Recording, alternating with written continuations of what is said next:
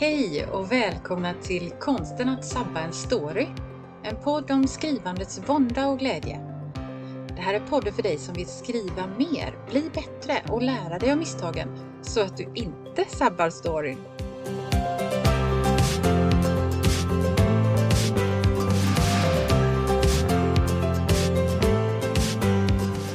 Jag heter Anna-Karin Svanå. Jag är skrivarcoach, lektör och författare. Men nu sätter vi igång!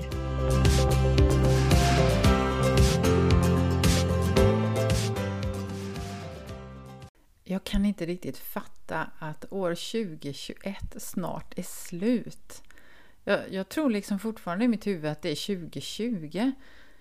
Det året var ju så speciellt på många sätt och för mig så hände det mycket i mitt liv med stora beslut som fattades. Jag tror att jag har nog inte ens bearbetat klart det. Men nu har 2021 nästan gått och eh, när nu ett, ytterligare ett år står för dörren så faller det sig ganska naturligt att vi ser tillbaka, reflekterar över det som har varit och gör upp planer för det som ska komma. Eh, I skrivklubben så har vi faktiskt just ikväll en workshop där vi ska prata just om det här på ett väldigt praktiskt och målinriktat sätt. Så ska vi hitta vägar för vårt skrivande under nästa år, 2022. Och när jag ser tillbaka så var det ju faktiskt under det här året, då 2021, i början på året som jag startade skrivklubben. Och jag måste säga att det, här, det var ett av mina lyckosamma beslut. För att det här har gett mig så otroligt mycket. Det har varit så berikande och härligt att ha den här gemenskapen med andra skrivande människor. Och om jag får tro på vad de säger så tycker de också att det varit riktigt, riktigt bra.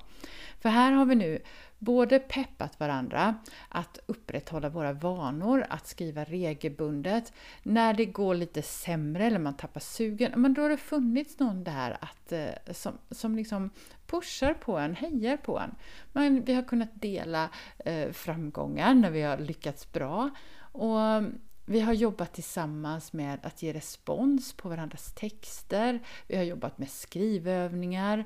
Eh, och haft gemensamma skrivpass också, just bara för att det ska bli av.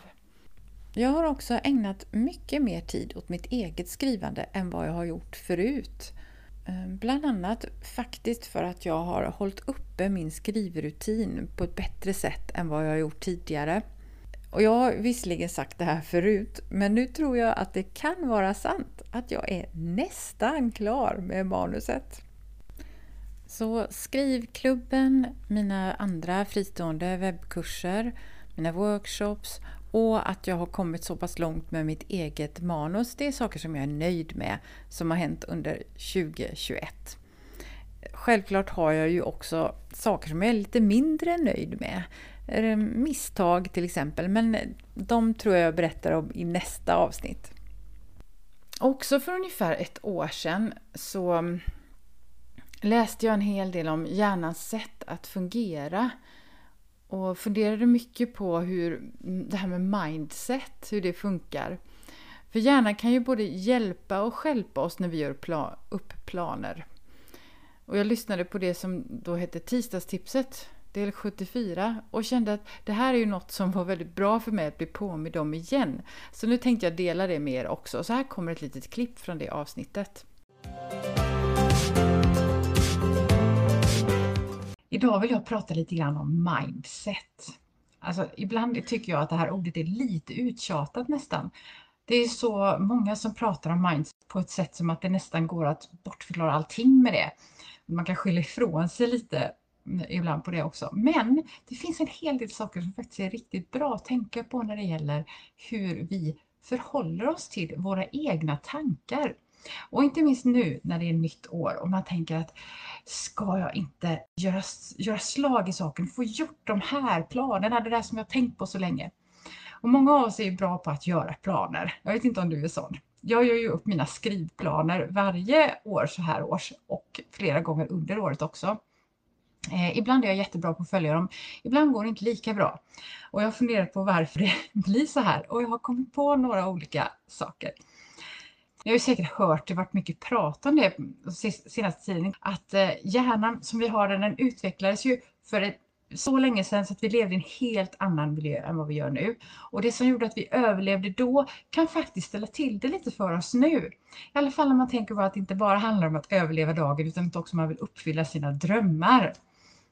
Det finns ju två väldigt starka drivkrafter för hjärnan och det ena är att minimera obehag och det andra är att maximera belöning. Det är ju ganska självklart kanske. Men hur håller, kan vi förhålla oss till detta när det gäller vår, vårt skrivande? Det är så att hjärnan tänker väldigt kortsiktigt. Det är ju det där som man får nytta av för stunden eller det som man slipper obehaget just nu. Det är det som hjärnan liksom automatiskt ställer in sig på att göra. Eh, och därför är det så lätt att man ja, fastnar lite på Facebook kanske, scrollar på Instagram, fastnar i soffan framför Netflix. Men egentligen hade man ju tänkt skriva. Men skriva en roman är ju ett jättelångsiktigt projekt, eller hur? Det är inget man gör på en eftermiddag.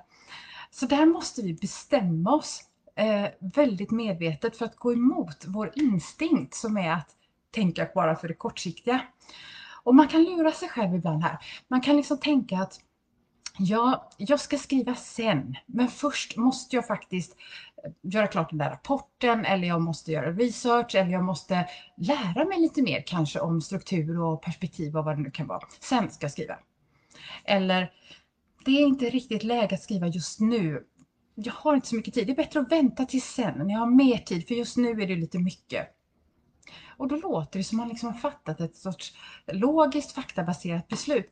Men i själva verket har man följt hjärnans instinkt att ta den snabba vägen mot kortsiktig belöning och undvika obehag. Och här måste man vara lite vaksam på sig själv och gå emot just det där som man bara hamnar i utan att tänka sig för. Eh, och det där låter enkelt när man säger det, men det är inte så lätt och det är därför man behöver skrivkompisar. Till exempel en skrivklubb där det finns någon som kollar en och säger att hur gick det nu med det där du sa att du skulle göra? Har du gjort det? Det är ju någonting som forskningen visar väldigt tydligt att om man säger till någon att det här planerar jag att göra och den personen sen frågar hur det gick, då är det så mycket större chans att man faktiskt får det gjort än om man bara hållit sina planer för sig själv.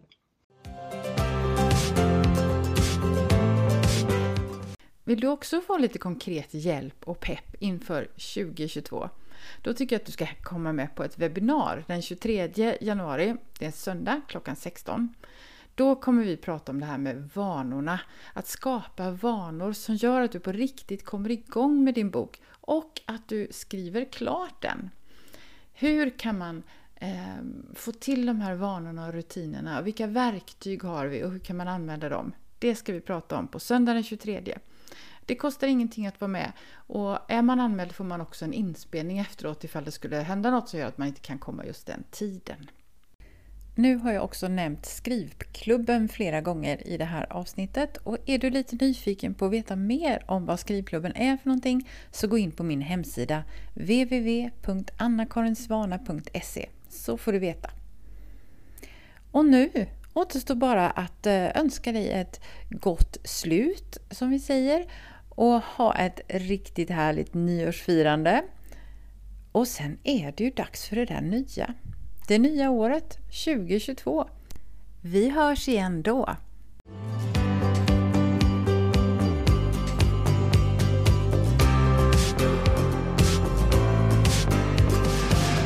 Det var allt för idag. Om du gillar podden skulle det vara toppen om du tipsar andra skrivintresserade också. Titta gärna in på min hemsida www.annakarinsvana.se. Där finns bland annat en gratis minikurs om att börja skriva. Där finns också mer information om mina tjänster och kurser. Men nu är det dags att börja skriva.